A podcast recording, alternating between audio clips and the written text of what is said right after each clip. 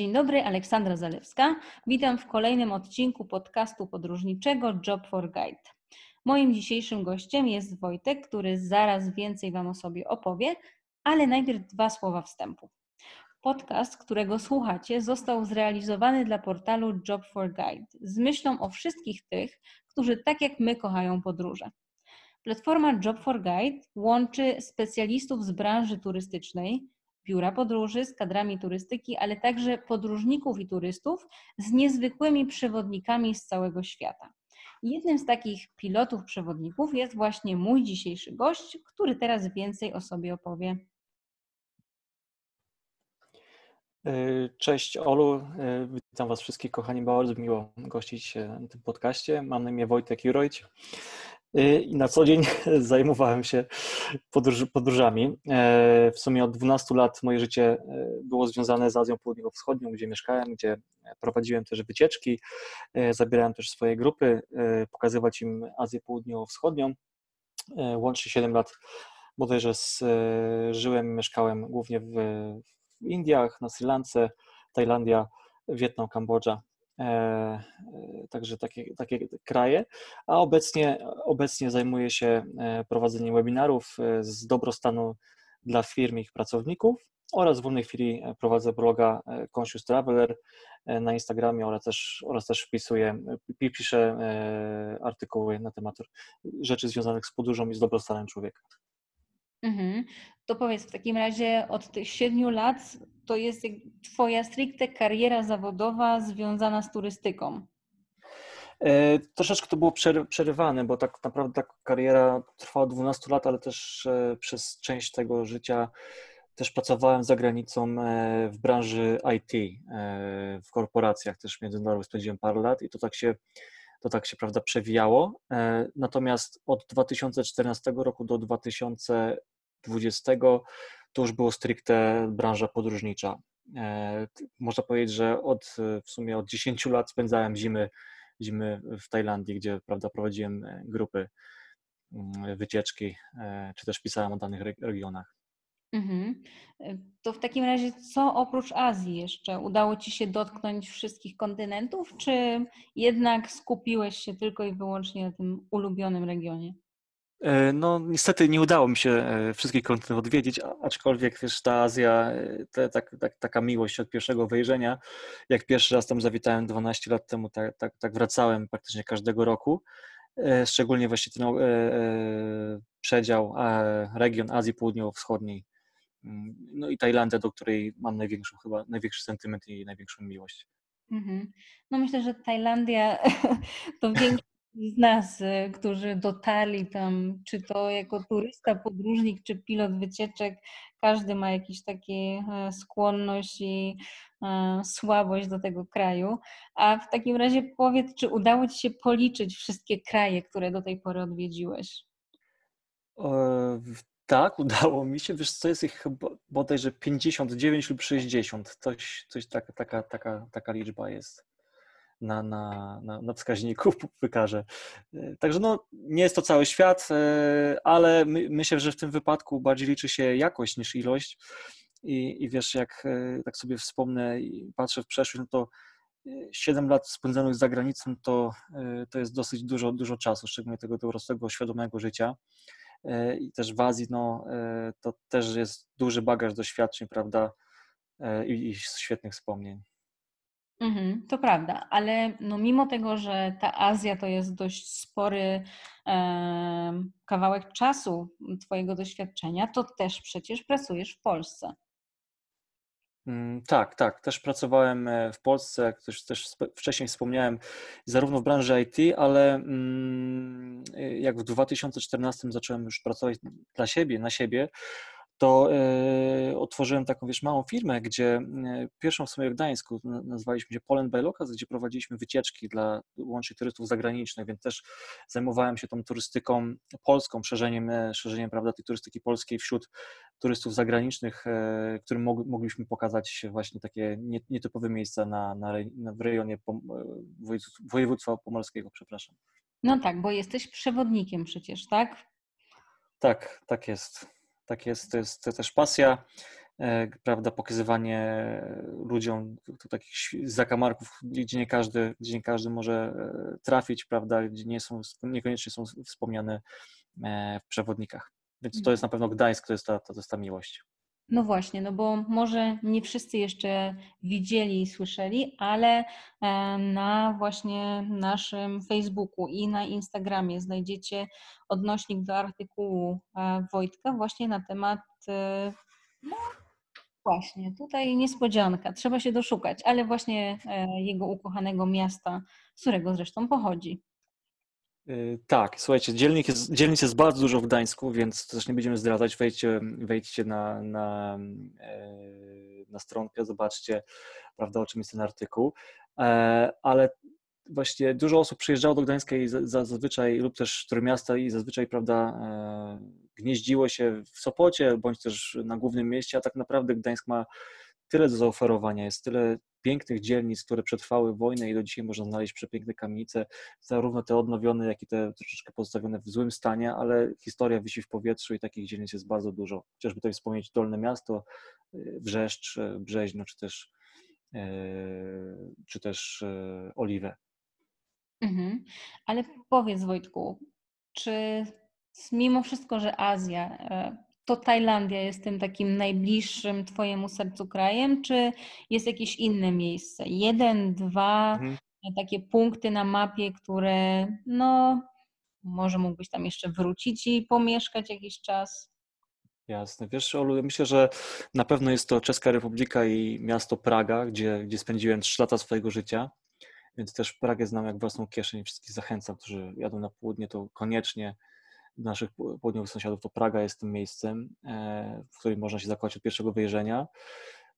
Prócz wspomnianej Tajlandii, jak najbardziej, e, są to, mm, są to wyspy Koh Chang i Komak na południowo, południowo-wschodniej części tego kraju. E, I z takich jeszcze krajów, do którego bym chciał wrócić, a może i zostać na dłużej, to na pewno była to też Sri Lanka, która bardzo, jest bardzo pięknym krajem i, no i ludzie też wspaniali. E, więc to krajów by się jeszcze parę znalazło, prawda? Jak tutaj zaczynamy wymieniać. Pewnie. No ale powiedz w takim razie, zdradź naszym słuchaczom, co robiłeś na Sri Lance? Co cię tak bardzo w tym kraju pociągało? E, co cię tam zatrzymało? Co, mhm. co, co jest takiego niezwykłego w tym miejscu? E, ojej, myślę, że zarówno i ludzie, ale też przede wszystkim natura, dzika natura, gdzie z jednej strony mamy prawda, ocean, z drugiej strony mamy góry, dżungle, e, piękne plaże, e, gdzie w ciągu godziny, dwóch możemy się z dżungli prawda, wylądować właśnie w górach.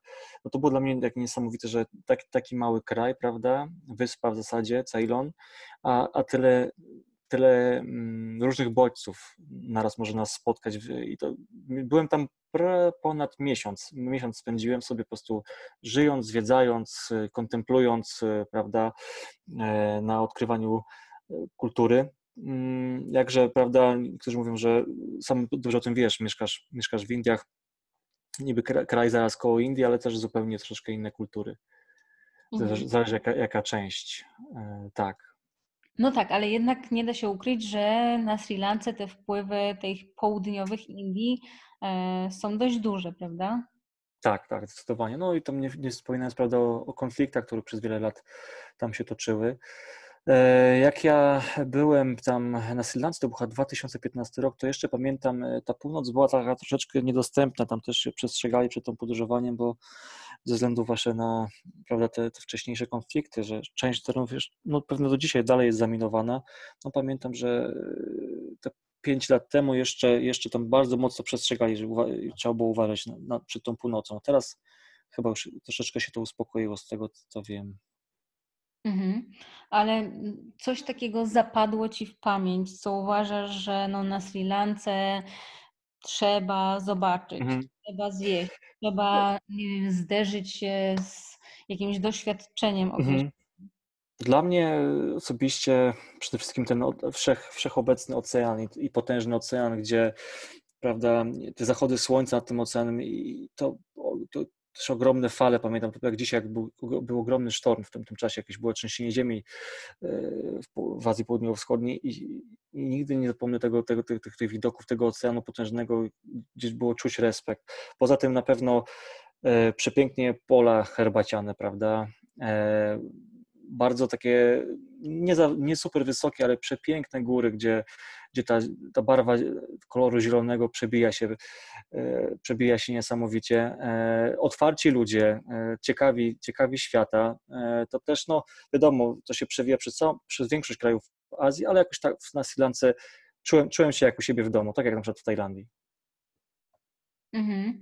Ale w takim razie, mm, skoro porównujesz tą Sri Lankę z Tajlandią, e, to czy można też jakoś Sri Lankę no, z punktu widzenia spożywczego, e, z punktu mhm. widzenia jedzenia, no bo jednak e, Tajlandia bardzo duży wybór, Indie przeogromny wybór. A jak to wygląda na Sri Lance?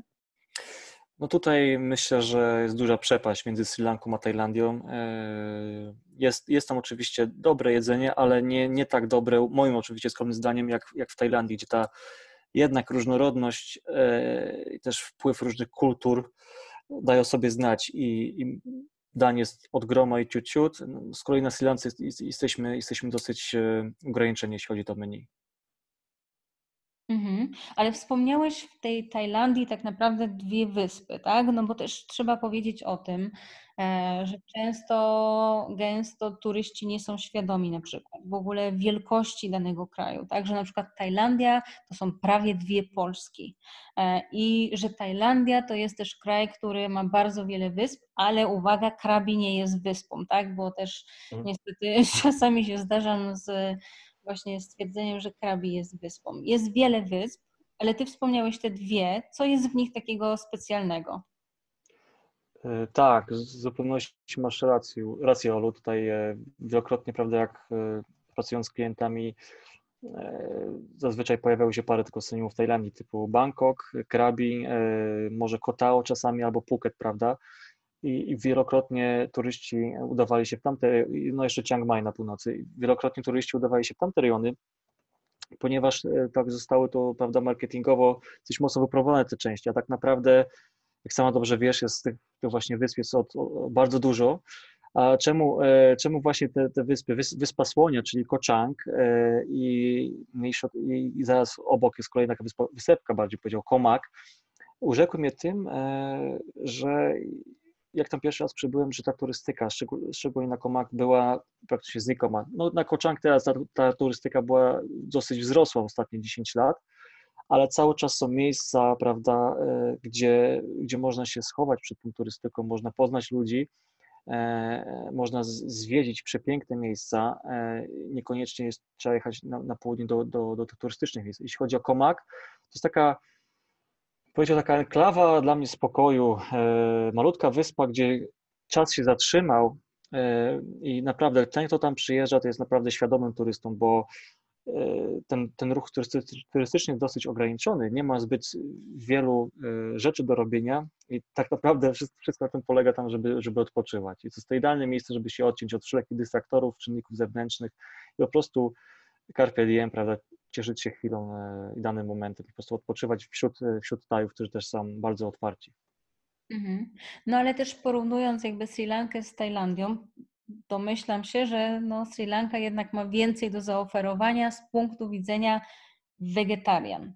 No nie oszukujmy się, a ty też zajmujesz się tą spożywczą turystyką, że mhm. no dzisiaj coraz więcej osób decyduje się na to, żeby zmienić dietę, E, i jednak e, zrezygnować z mięsa. E, co prawda też to jest kolejny punkt, który mm, często wywołuje śmiech u mnie, no nie tylko w mojej grupie, ale bardziej wśród moich lokalnych jakichś współprzewodników, przewodników, gdzie wegetarianizm, czym on jest? Tak naprawdę w Polsce, jak nie jesz mięsa, ale jesz ryby, to jesteś wegetarianinem, a w Tajlandii nie jesz żadnego mięsa i żadnych ryb, a w Indiach na dodatek jeszcze nie jesz jajek. I nagle się pojawia pytanie, to tak naprawdę kto jest tym wegetarianinem, a kto jest już weganinem i jak sobie z tą dietą poradzić? Oj, to teraz mi powiem Ci, że zabiłaś. powiem, przyznam Ci szczerze, że e, mi ciężko tutaj to mm, wytłumaczyć. Ja aż tak się na tym nie znam i też nigdy nie wdrażałem się w te tematy aż tak dokładnie. E, na pewno, na pewno po tych podróżach e, azjatyckich e, ograniczyłem dosyć mocno jedzenie mięsa. Mm, do dzisiaj jest to w moim jadłospisie, aczkolwiek staram się, staram się tego jak najmniej, jak najmniej spożywać mięsa. Bardzo rzadko w ciągu tygodnia. Jeśli jestem w Azji Południowo-Wschodniej, to mięso jest praktycznie wyrzucone z mojego jadłospisu.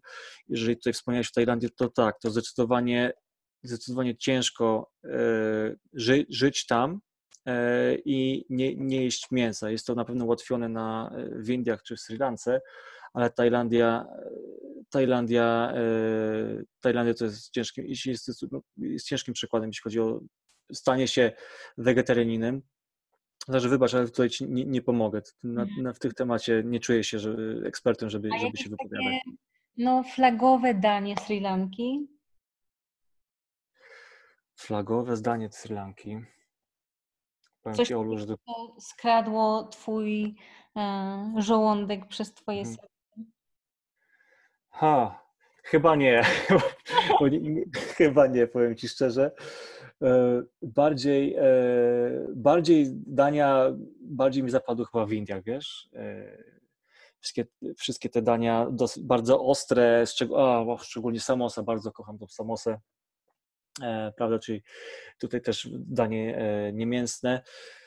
E, wszelkie owoce i warzywa, bardzo ceniłem sobie, prawda, świeżość tych owoców, te, te, te barwy, które u nas w Polsce są nie do podrobienia, też w Tajlandii zresztą, no, uwielbiałem po prostu. Bardzo ostre dania też. Pewnie wiem jak ty, ale właśnie chciałem zapytać, czy też lubisz, czy też lubisz i jadasz te ostre dania, czy raczej, raczej stronisz?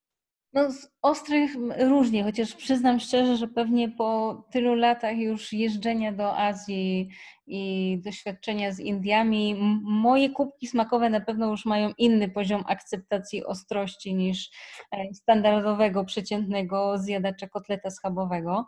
E, I do tego na pewno też to, że e, dieta wegetariańska też, też na to wpływa. No i nie oszukujmy się, że jednak ostrość tych przypraw, I to, że te dania, niektóre, nie wszystkie są e, ostre, no wiąże się z tym, że jest to sposób jakiś eliminowania ewentualnych zakażeń, które na przykład mogą się znajdować w wodzie, prawda?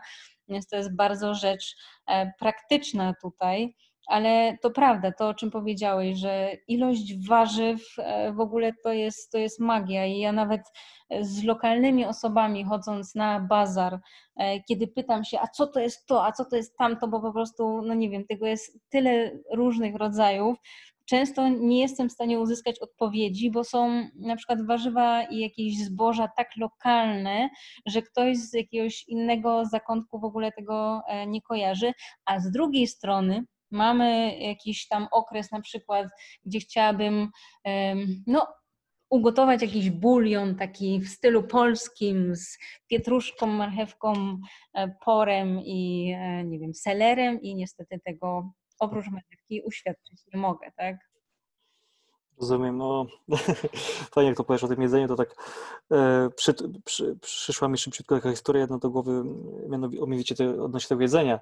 To powiem Ci, że jak pierwszy raz e, właśnie byłem w Indiach, to spędziłem tam trzy, trzy miesiące swojego życia i nie jadłem mięsa, nie jadłem w ogóle mięsa, jadłem dużo tych właśnie przy, różnych przypraw, różnych dań wegetariańskich, warzyw, owoców, ale powiem Ci, skudłem 13 kilo w trzy miesiące pewnie przez, i, też, i, przez klimat, i przez jedzenie, i, i, i, brak mięsa częściowo, ale no pamiętam, że to była dieta cud. Wow, no to musisz mi zdradzić potem po podcaście, y, jak ty to zrobiłeś, bo przyznam szczerze, że no nie wiem, jak zaserwuje się takie indyjskie tali, gdzie po prostu no, ilość tych wszystkich rzeczy do spróbowania, plus ilość w ogóle chlebów, które się pojawiają do tego wszystkiego jest taka, i jeszcze ryż i to i tamto, że no, nawet na diecie wegetariańskiej w Indiach na dłuższą metę jest ciężko schudnąć. E, ale wracając do Twoich podróży i do Twoich doświadczeń, e, no Praga myślę, że jest takim miejscem, które pewnie większość osób, które nas słucha, już e, odwiedziła, bo nie jest to aż tak daleki zakątek świata jak Azja czy Azja Południowo-Wschodnia. No ale właśnie, no, Praga to przeważnie takie wycieczki jednodniowe, prawda? Gdzieś tam tak. wpada się, wypada, zobaczy się jakieś tam najważniejsze punkty. A jak ty postrzegasz Pragę? E, tak, no zdecydowanie dużo wycieczek z Polski jest właśnie jedno, dwudniowych. E, ja to widzę tak, że na pewno dużo osób wjeżdża z te same miejsca, czyli prawda, tutaj tam Moskarola, e, Hradczany, Stare Miasto, ale tak naprawdę Praga, Praga ma jeszcze dużo więcej do zaoferowania. Jest dużo bardzo ciekawych dzielnic, e, które, które praktycznie, gdzie nie znajdziemy turystów. Mówię tutaj o Rzyszkowie na przykład, są takie stare kamienice, 200 e, ponadletnie, e, bardzo dobrze zachowane. Obok dalej jest Karlin, e, też bardzo, bardzo piękna dzielnica, teraz bardzo rewitalizowana, gdzie jeszcze 6-7 lat temu prawda, było tylko parę kamienic na krzyż i tu opuszczonych, a teraz obecnie ta dzielnica kwitnie, tak jak na przykład w Gdańsku jest taka, można powiedzieć, hipsterska dzielnica Gdańsk-Rzesz, to tak właśnie w Karlinie też e, stała się bardzo międzynarodowa, dużo, dużo mieszkańców Pragi przenosi się tam i, i, i jakby rozwijają, e, rozwijają tą dzielnicę, bardzo, bardzo jest tam e, pięknie. Tak samo e, dzielnica Smichow, to jest niedaleko Malej Strany, po, po drugiej stronie Wrocławy od od, e, od Starego Miasta, gdzie można znaleźć już fabrykę e, Pilsnera. No także e, powiem Ci szczerze, Olu, że ja bym tak potrzebował 6-7 dni do zwiedzania Pragi. Mhm. No tak, czyli jednym słowem zobaczenie Pragi, a zwiedzenie Pragi, a poznanie Pragi e, to są zupełnie różne rzeczy. Ale czy masz jakieś takie swoje, no nie wiem, tajemnice, sekrety, e, sposoby na tą Pragę, żeby takiej doświadczyć w pełni? Bo mm, no nie oszukujmy się, że no jedzenie mm, naszych sąsiadów jest dość podobne do naszego, aczkolwiek nie jest zupełnie takie same. E, I ludzie też są niby podobni, a jednak troszkę inni. E, czy jest coś takiego, co mm, mógłbyś zdradzić, że no nie wiem, miejsce, do którego no, trzeba pójść i zjeść, mhm. albo miejsce, do którego trzeba pójść, żeby zobaczyć, jak wygląda takie prawdziwe życie w tym mieście? To na pewno trzeba by opuścić, prawda, stare miasto i, i wszelkie no, te turystyczne atrakcje i przenieść się w te dzielnice, gdzie, gdzie, żyją, gdzie żyją Prażanie, gdzie można doświadczyć tej pra, prawdziwej, prawdziwej czeskiej kuchni. E, I to właśnie na przykład jest Rziszkow. E, tam jest taka słynna wieża telewizyjna, najwyższy chyba budynek w, w Pradze, nie wiem czy kojarzysz. Tam, tam jest, żyją e, zarówno Prażani, jak i tak zwani ekspaci, czyli ludzie, którzy pracują w Pradze, ale przyjechali z różnych krajów świata. Obok właśnie jest też ta dzielnica Karlin, gdzie e, jest dużo firm e, czeskich, ale też międzynarodowych i tam, i tam ta część jakby korporacyjna Prażan żyje i mieszka, ale co za tym idzie, jest dużo restauracji, barów, gdzie tylko i wyłącznie siedzą Prażanie. I, I, to jest fajne, bo można tam się przejść w weekend czy też w ciągu tygodnia i zobaczyć, jak, jak to życie wygląda. Naprawdę jest to zupełnie, zupełnie inny obrazek, aniżeli e, ten, prawda, wzięty ze Starego Miasta. Też takie, do, do, jeszcze dopowiem, jest taka dzielnica Nusle, w, w którym mieszkałem przez, przez półtora roku. To jest niedaleko od Muzeum Narodowego w Pradze, mm, dosłownie 15 minut autem, 4 przystanki metra od, od Starego Miasta. I tam można też znaleźć przepiękne kamienice, y, może niewyremontowane i, i tych prażan, którzy siedzą prawda, w tych swoich barach, y, których jeszcze pamiętam jeszcze jak tam żyłem, to można było palić, teraz już to, to już nie gdzie, prawda, można było siekierę powiesić, ale też serwują te czeskie y, tłuste posiłki, prażanie się tam spotykają i po pracy albo oglądają prawda, jakiś mecz, albo też dywagują na jakieś znane im tylko tematy, ale na pewno obrazek jest zupełnie inny, niż, niż, niż jest to e, na Starym Mieście. czy też w tych atrakcjach turystycznych. No i ceny pewnie też są zupełnie inne. Ta, o, świetnie, że zahaczyłaś ten temat, Olu. Tak, zdecydowanie e, czasami nawet dwa, trzy razy mniejsze, prawda? Zależy jak, jaka rzecz e, w takich restauracjach. Na przykład nas, byłem teraz w Pradze we wrześniu, we wrześniu i powiem Ci, to był pierwszy raz w życiu widziałem, żeby tak stare miasto było wyludnione. Praktycznie byli turyści, ale bardzo, bardzo mało. Można było przejść normalnie, nie, nie, nie, nie przyciskając się przez most Karola, ale wystarczyło w, przejść za tą Pragę 1, czy ta, ta dzielnica, gdzie, gdzie, to, gdzie jest Stare Miasto, przy, wyjść za tą Pragę 1 i właśnie jedną z, z tych wspomnianych dzielnic i słuchajcie, słuchaj, te, te ceny są no, spokojnie o 30-40% niższe e, niejednokrotnie, prawda, niż to, co jest w centrum. Mhm. No tak, no, no, myślę, że dla takiego przeciętnego turysty to ma duże znaczenie, bo teoretycznie wydaje nam się, o przecież to nasz sąsiad, o przecież to nie może być bardzo drogo, bo to jest ten sam region, a nagle się okazuje, że taka wizyta w Pradze może się naprawdę odbić na naszym e, portfelu. Tak, tak, tak. Bardzo, w centrum jest bardzo drogo, e, dużo, dużo drożej niż w Polsce. Jeżeli chodzi o noclegi, e, to na pewno w, trakcie, w pełni sezonu ciężko znaleźć za dobrą cenę, e, za, za jakieś niskie pieniądze do, dobry, dobry nocleg w centrum. Możemy o tym zapomnieć. Lepiej, dlatego, ale też często zawsze polecam znajomym, czy też ludzie, którzy się pytają jakieś, jakieś tipy, aby, aby szukali właśnie tych miejsc troszeczkę z dala poza centrum, bo, bo to tak naprawdę Praga jest bardzo dobrze skomunikowana e, i w, jest dużo tramwaj, tramwajów, przepraszam, jest, jest metro, prawda, autobusy, można w bardzo szybki sposób dostać się do, do, do centrum, a ma się ciszę, spokój i też ceny są dużo niższe. Mhm. No i ostatecznie język jest całkiem podobny, więc jakoś się zawsze dogadamy. Oczywiście, tak. Język jest, jest, jest podobny. Tutaj taką ważną rzeczą tylko wspomniał o Prażanie są moim zdaniem Czesi ogólnie e, bardzo spokojnym narodem, co mi bardzo przypadło do gustu, prawda? Dlaczego niby nasi sąsiedzi, ale zupełnie, zupełnie, zupełnie inny styl bycia. Uważam, że jednak my Polacy jesteśmy troszeczkę e, głośniejsi, czasami może bardziej ruchliwi, a z kolei Czesi są tacy wolniejsi, prawda?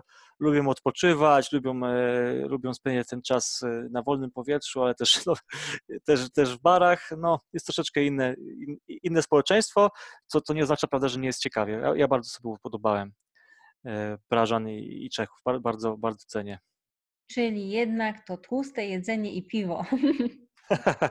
teraz, może kiedyś tak, teraz coraz mniej. No to jest w sumie poruszyłaś bardzo ciekawy temat z tym jedzeniem. Ciężko ciężko w Pradze e, znaleźć e, miejsce, aby, znaczy, aby zjeść, prawda, e, nie jeść tego mięsa, prawda, albo coś, coś jest, zjeść coś lekkiego. Musimy iść do jakiejś restauracji azjatyckiej, co nie jest, prawda, oryginalnie, oryginalnie czeską, ale w czeskiej kuchni ciężko znaleźć coś nietłustego i coś, co nie jest podawane z piwem, to prawda. No ale w Czechach i zwłaszcza w Pradze mamy przecież wielką społeczność wietnamską, prawda? która tam po prostu z tego, co mi wiadomo, trzęsie tym wszystkim i jeżeli chodzi o jakieś właśnie małe restauracje i sklepiki i takie rzeczy, to oni tam po prostu są jak mafia. Tak, zdecydowanie. Jak, jak u nas są prawda, żabki, to tam e, w Pradze czy też w Czechach są mini markety prowadzone przez Wietnamczyków, którzy napłynęli, napływali do, do, do, do Pragi od końca lat 60. E, I rzeczywiście trząsą tym rynkiem e, i też znajdziemy bardzo, bardzo dużo restauracji wietnamskich z pysznym jedzeniem. Więc tutaj wegetarianie znajdą, znajdą coś dla siebie na pewno. Mhm. No ale powiedz, z punktu widzenia bardziej zawodowego, jakie są takie miejsca, do których najbardziej lubisz zabierać swoich turystów? E, no to na pewno jest to park Witkowski e, między dwiema dzielnicami, e, właśnie Karlinem a Żiszkowem. Polecam im też Żiszkow, zabieram ich na ulicę, żeby przejście, to jest takie, taka dzielnica, która jest położona na, na, wzgórzu, na wzgórzach, więc jest teren jest bardzo, bardzo górzysty, są przepiękne kamienice, wyremontowane uliczki, więc to wygląda jakbyśmy wchodzili do takiej Pragi z prawda, z początku, e, z końca może XIX, początku XX wieku, wygląda to niesamowicie.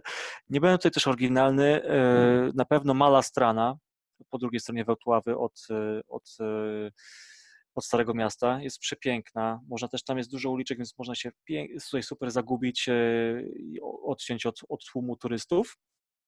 I na pewno warte, warte polecenia warte polecenia jest też tutaj ta dzielnica żydowska, prawda, gdzie mm, możemy zobaczyć, ona przetrwała, ponieważ e, Hitler e, specjalnie nie zniszczył, bo chciał, chciał żeby, chciałby ją zostawić jako, jako pamiątka, prawda, po narodzie, e, narodzie żydowskim. Jest super świetne też zachowanie kamienice, bardzo lubię te miejsca. Mhm. A w Azji jakieś takie miejsca, gdzie najbardziej lubisz zawodowo się przemieszczać? Hmm. Jeszcze do pewnego czasu to była wyspa w Kambodży, wyspa Korong, Korong Salmoen ale stała się teraz bardzo, bardzo turystyczna i ta turystyka zresztą tam bardzo mocno e, wpływa na, na lokalny rynek. E, tu już wspomniałem o tej wyspie Komak. E, kocham Chiang Mai, pomimo, że jest to, jest to w, północnych, w północnej Tajlandii miasteczko w górach położone.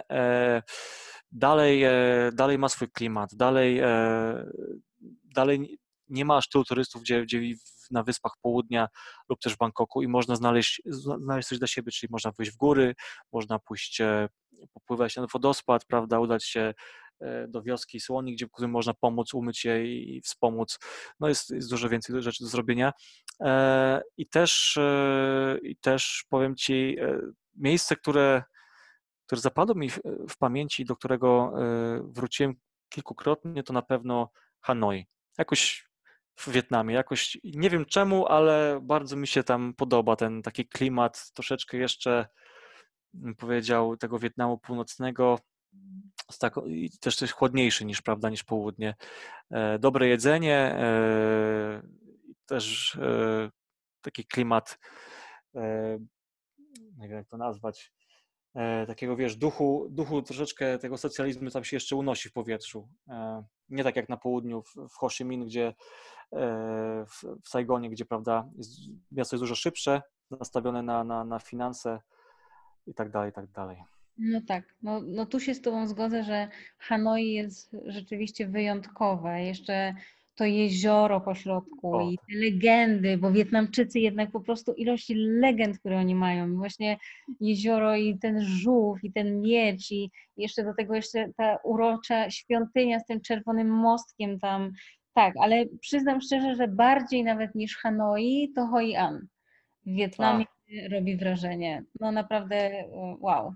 No i to wszystko dzięki Polakowi, który e, tak. zachował e, to, to stare miasto dla potomności. Mm, naprawdę no, Wietnam to jest świetne miejsce, tak jak i Tajlandia. I tak jak wspomniałeś, no Chiang Mai myślę, że jest znane mm, polskim turystom, e, szczególnie tym, którzy gdzieś tam też chcieli dotknąć Birmy czy Laosu, no bo to zaraz przy granicy, ale jednak rzeczywiście no, ta turystyka skupia się na Bangkoku i wszystkim, co potem jest na południe, a ta północ jest bardziej taka e, dla tych, którzy chcieliby tak coś więcej, bardziej może właśnie pod kątem zwiedzania i świątyń, tak, bo one są naprawdę niezwykłe tam.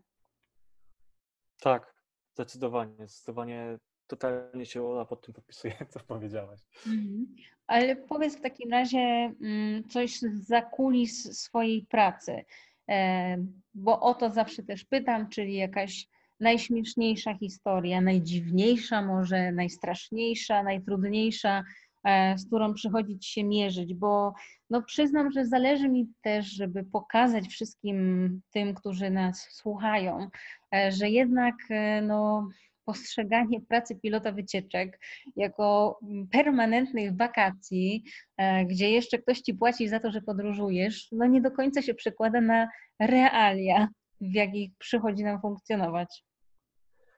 Oj, zgadza się, zgadza się. No, tych historii było wiele. Mm, I tak, ale też to jest tak, jak mówisz, to, to nie jest dużo osób zawsze mówiło, a Wojtek, fajnie jedziesz tam do Azji znowu ty to masz fajną pracę, e, na pewno tam nic nie musisz robić, tylko odpoczywać, co jest oczywiście nieprawdą, bo za tym stoi, prawda, szereg innych działań niewidocznych, szczególnie jak nie tylko prowadzimy wycieczki, ale organizujemy sami, sami te wyjazdy dla klientów.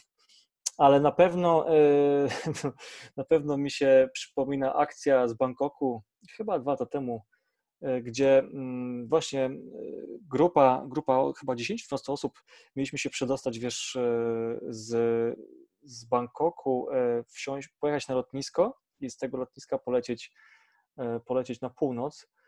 No i jak to, wiesz, w Tajlandii jest, zresztą jak to w Azji, e, jesteś, jesteś dogadana z jakimś kierowcą, kierowcami, mają przyjechać na czas, e, pomimo tego, że nawet e, znasz tą firmę albo znasz tych kierowców. No i nagle okazuje się, że godzina wybija, ósma, a samochodów nie ma. Busów, busy, prawda, które, które mają przewieźć i zarówno bagaże i ludzi. No i jest oczywiście lekkie podenerwowanie ze strony klienta, z mojej frustracja, bo trzeba szybko znaleźć, prawda, jakieś, jakieś auto zastępcze, więc pamiętam, że chyba przez godzinę próbowałem znaleźć e, znaleźć, wiesz, jakieś samochody, które by zabrały. E, taksówkami było ciężko, nie wiem, jakieś mieliśmy peka, to było bardzo rano. Taksówkami było ciężko, było ciężko z busami. Koniec końców na, na taśm, e, rzutem na taśmę musiałem naprawdę e, zapłacić jakimś innym kierowcom, przekupić ich troszeczkę, żeby pojechali z nami, pomimo tego, że mieli jakieś inne kursy, zapłacić im trzy razy, cztery razy więcej, żeby nas po prostu wzięli, bo inaczej, gdyby nas nie wzięli, samolot by nam przepadł, a za tym idzie cała, cała, cała prawda, część tej wycieczki stałaby pod wielkim znakiem zapytania, no i nie mówiąc, nie wspominając o kosztach. Także udało się, udało się załatwić te busy i wierz mi lub nie, rzutem na taśmie e, wjechać na to lotnisko i prawda, zaczekinować i usiąść z samolotu. Powiem Ci, że tak chyba nigdy nie byłem spocony ze stresu. No, Ci, bo jednak kwestia dotarcia na to lotnisko międzynarodowe Suwa na Pum, to nawet można złapać metro i dojechać, ale jednak dotarcie na Dom Wang to jest nie lada wyzwanie bo mało kto chce tam jeździć, bo tam dochodzi jeszcze opłata za autostradę i tak dalej. Większość taksówek właśnie kierowców się z tego kierunku wykręca, więc przyznam szczerze, że z mojego doświadczenia też wynika, że trzeba sobie nawet nie dwie godziny, co trzy lub cztery godziny wcześniej ten transport e, zabukować. Tak, tak, tak. No właśnie tutaj mówimy o Dumwang, więc, e, więc wiesz, wiedziałem to, ale to też widzisz, człowiek też mądrzejszy. I dałem, założyłem też sobie jakimś, jakąś tam poduszkę z tymi godzinami. Wiedziałem, że trzeba być dużo wcześniej, ale jednak pomimo tego, że wiesz, nasza też praca nas uczy tego, że trzeba przewidywać pewne rzeczy, trzeba myśleć od razu 4 czy 5 roków do przodu. Pomimo tego, że ja jestem bardzo sumienną osobą i jestem czasami naprawdę aż e, wszyscy się ze mnie śmieją, że jestem małym Stalinem, jeśli chodzi o czas, bo lubię jak wszystko jest na czas, szczególnie w Azji, prawda, ciężko to osiągnąć, to jestem profesjonalistą, no ale w tym wypadku było bardzo, bardzo ciężko, no i też dla mnie nauczka kolejna, prawda, jedna z wielu, jeżeli chodzi o, o, o tą Azję, no a z drugiej strony Olu pewnie się też ze mną zgodzisz, że to też jest Azja i, i wielokrotnie, szczególnie też w Indiach, często wiele rzeczy płynie i, i czasami no, możemy tylko, prawda, podnieść ręce do góry powiedzieć, no co mogę zrobić? Hmm, no tak, to, to prawda.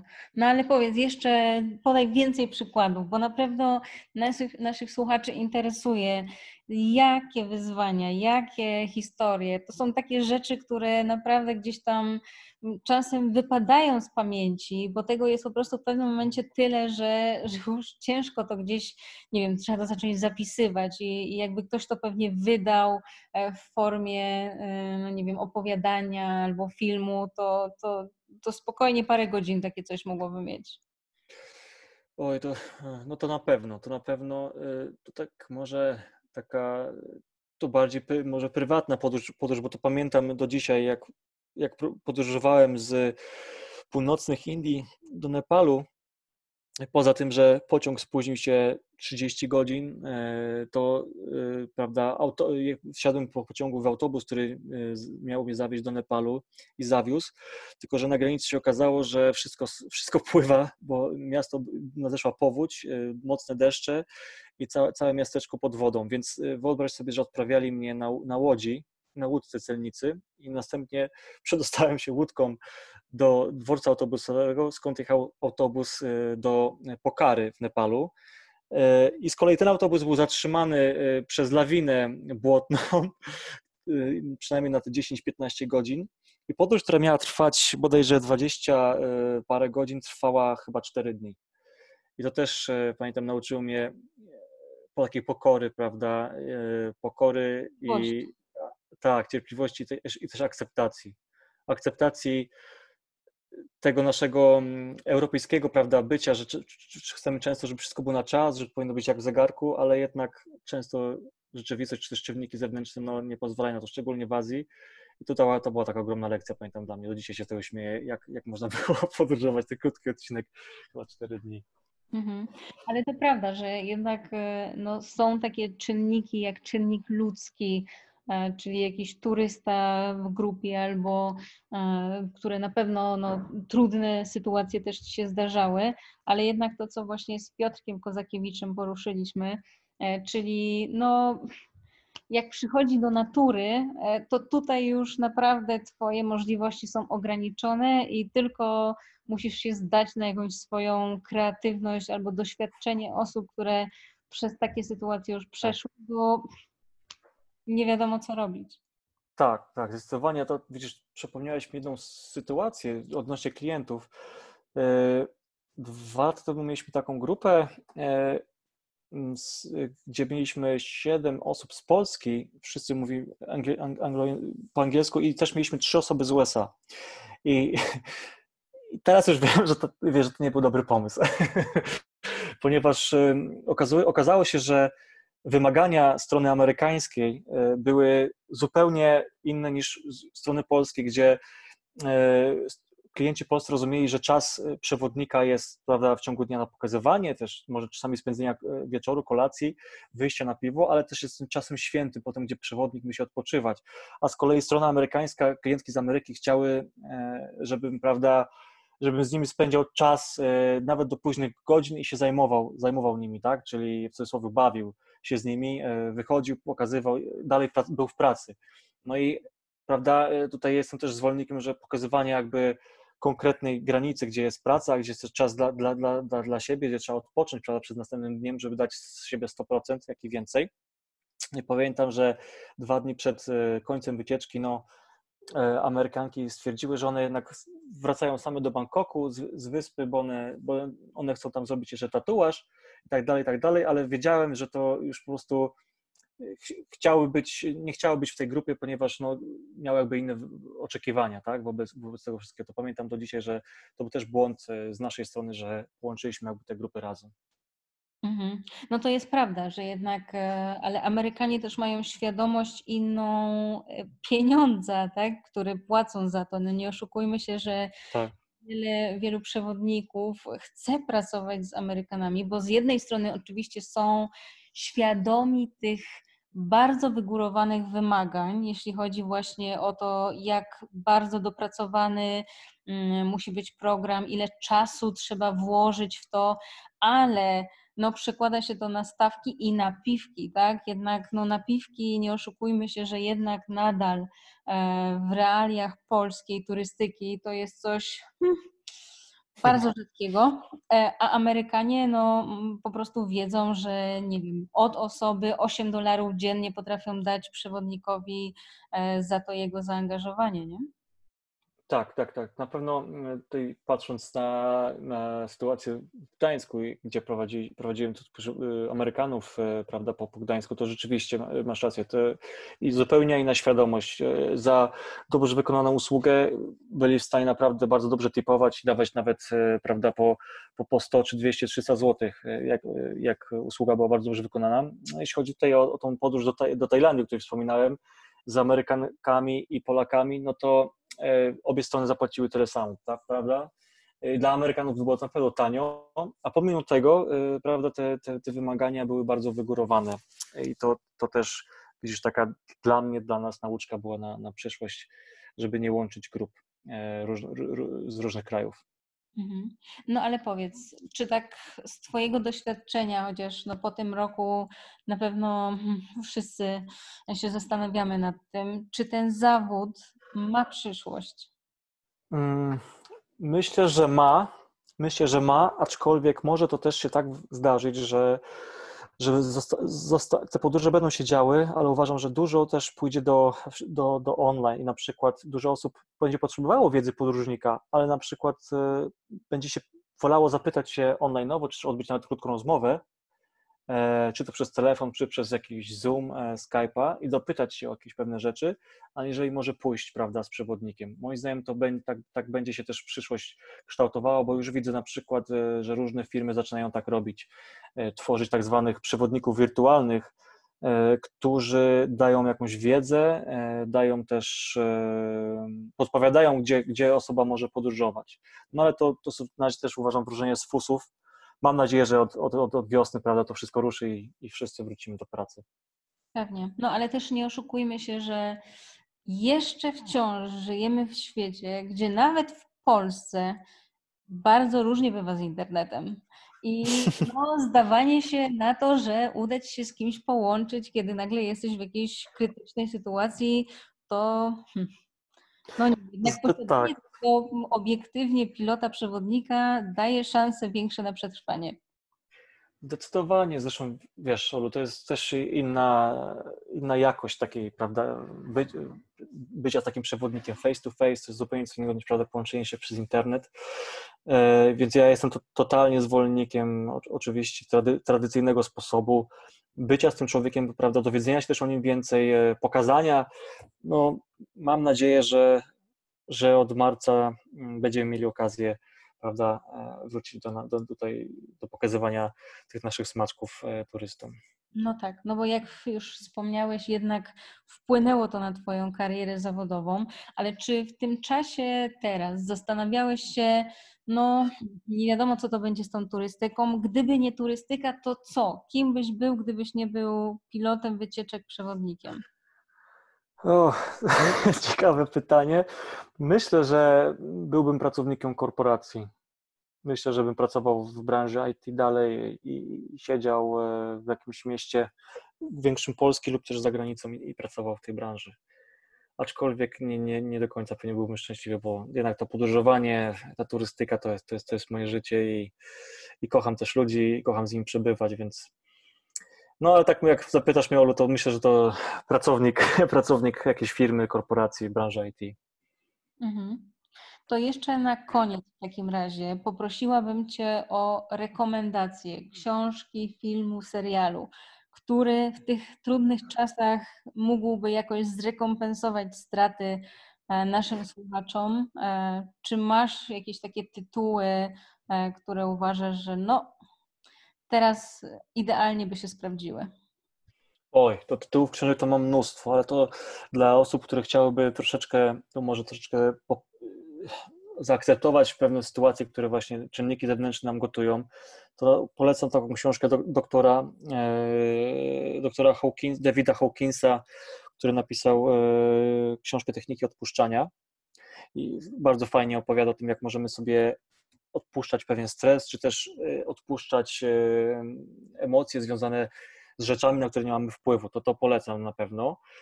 Jeżeli chodzi o serial i film, e, tu jest, tu jest gorzej, bo ostatnimi czasem, czasy stają się wybredne, jeśli o to chodzi. Ja powiem Ci szczerze, ciężko dorwać jakieś filmy, seriale, które są pozytywne i, i nie ma tam jakiejś przemocy, krwi i tak dalej. I powiem Ci, że nawet ostatnio stronie stronie od, od, od telewizji, od, od seriali, filmów. Bardziej, bardziej wszedłem w dokumenty, wiesz?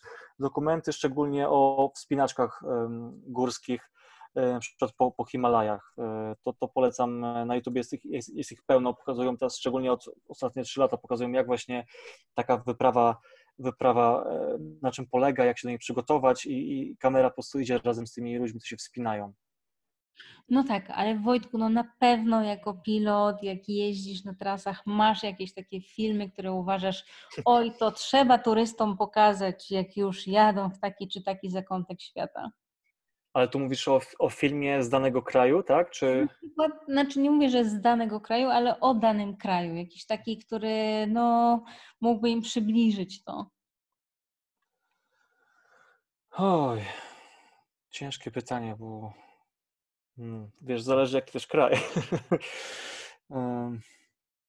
tu, mnie, tu mnie masz. Powiem Ci szczerze, że, że teraz e, nie jestem w stanie nic e, wymyślić, bo. Mm, Ale dokumentów trochę jest jednak. Dokumentów jest mnóstwo. Dokumentów jest mnóstwo. faktu, że na pewno się zgodzisz ze mną, e, jako osoba, która trochę podróżowała już, że z tymi dokumentami, a zwłaszcza tutaj bez tytułów, ale jednak z programami telewizyjnymi, e, trzeba tak ostrożnie, szczególnie tak. gdzieś się jeszcze nie było, ale się myśli i się coś zaczyna oglądać bo jednak no, sam dobrze wiesz, że no nie wiem, kwestia nawet tej seksturystyki tajskiej, gdzie po prostu, no nie wiem, ilość dokumentów na ten temat jest tak przytłaczająca, że hmm. w pewnym momencie wydaje ci się, że już w tej Tajlandii nic innego nie ma, tylko po prostu Bangkok i Pattaya i wszyscy tam jadą w jednym tak. celu, e, a Indie to jest tylko bieda i nie wiem, i bieda i islamsy. Mhm, tak i tak dalej. Naprawdę no, trzeba pamiętać o tym, że te dokumenty też często mają sprzedać się, tak? One mają wyglądać tak, żeby ktoś chciał je oglądać, e, a niekoniecznie no, też pokazują pełne spektrum tego, co w danym tak. kraju się dzieje. Tak, dlatego ja, widzisz, dlatego też e, wspomniałem, że stronię od tych filmów, dokumentów, seriali, bo to zakrzywia obraz rzeczywistości, a bardzo sobie cenię na przykład, zawsze polecam też ludziom, turystom, klientom, żeby jeśli mają możliwość, żeby porozmawiali sobie sprawdzenie tej wiedzy prawda, z, z ludźmi stamtąd, tak? Czy też e, teraz jest, żyjemy w takim świecie, że prawda, informacji jest dużo, też można znaleźć osoby, które tam żyją i w łatwy sposób z nimi też porozmawiać, zanim się tam się pojedzie.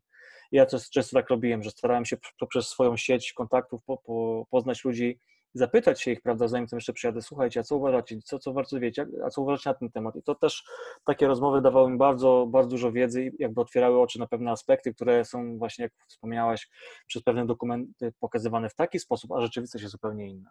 Mhm. No bo to jest też coś, co przyznamy się z Wojtkiem, e, wspomnieliśmy za kulisami tego podcastu, że jednak e, hmm, dotarcie do treści merytorycznych, tak? Z jednej strony jest na pewno wiele osób, które tworzy sensowne treści e, merytoryczne związane chociażby właśnie z podróżami do jakichś miejsc na świecie, ale okazuje się, że te tysiące e, followersów na kanałach YouTube'a, czy Instagrama, czy na Facebooku, tak. no niestety nie przekładają się na to, tak, że te tysiące e, to są do tych osób, które no merytorycznie, no mówię, no ja czasami jestem w szoku, bo też sam dobrze wiesz, że przygotowując się do takiego wyjazdu, szukamy wszystkich źródeł możliwych.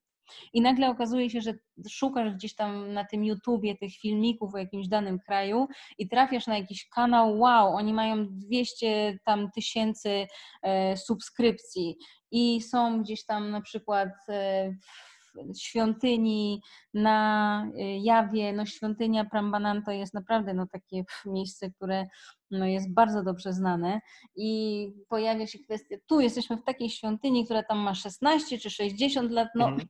Wydaje mi się, że jednak to jest zasadnicza różnica 16 czy 60.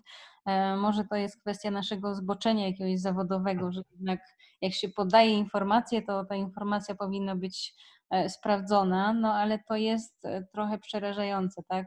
Też w internecie przecież masa zdjęć, Angkor, sam dobrze tak. podpisane jako Wietnam.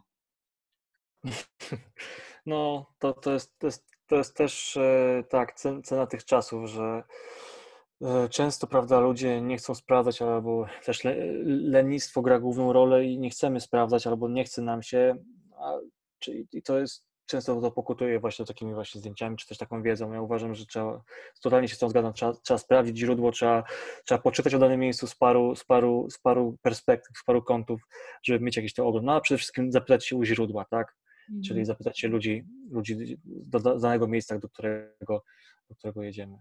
Czyli świadome podróżowanie, czyli właśnie Wojciech Juraj, czyli Conscious Traveler i, i powiedz, co piszesz, co ostatnio wydałeś? Pochwal się. Oj, pisaniem ostatnimi czasy gorzej. Troszeczkę, e, troszeczkę opisałem e, właśnie, jak tutaj wspomniałeś na początku naszej, naszej rozmowy, dzielnicę Gdańska, więc zapraszam, jeśli ktoś chce poczytać o dzielnicach Gdańsku, zapraszam na, na bloga. E, a co do wydania, no to udało się w ramach tego projektu Odkrywcy, udało nam się wraz z Filipem Turowskim wydać takiego małego e-booczka o 28 miejscach, e, polskie wow, o 28 miejscach na, na mikro takie wyprawy po Polsce, więc e, e, jeśli ktoś szuka jakiejś inspiracji na Polskę, to, to zapraszam. Mhm.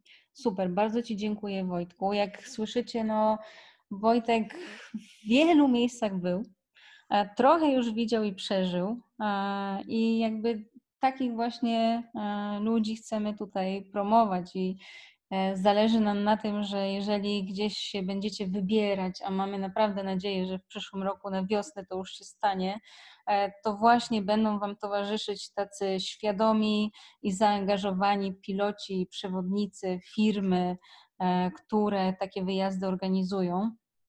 Dlatego, jeżeli macie ochotę, zapraszamy serdecznie na portal Job for Guide, gdzie e, zarówno rejestracja, jak i korzystanie są w tej chwili bezpłatne i tam właśnie możecie znaleźć Wojtka, nawiązać z nim współpracę, jeżeli będziecie chcieli zwiedzić czy to Polskę, czy może Pragę, czy Azję Południowo-Wschodnią.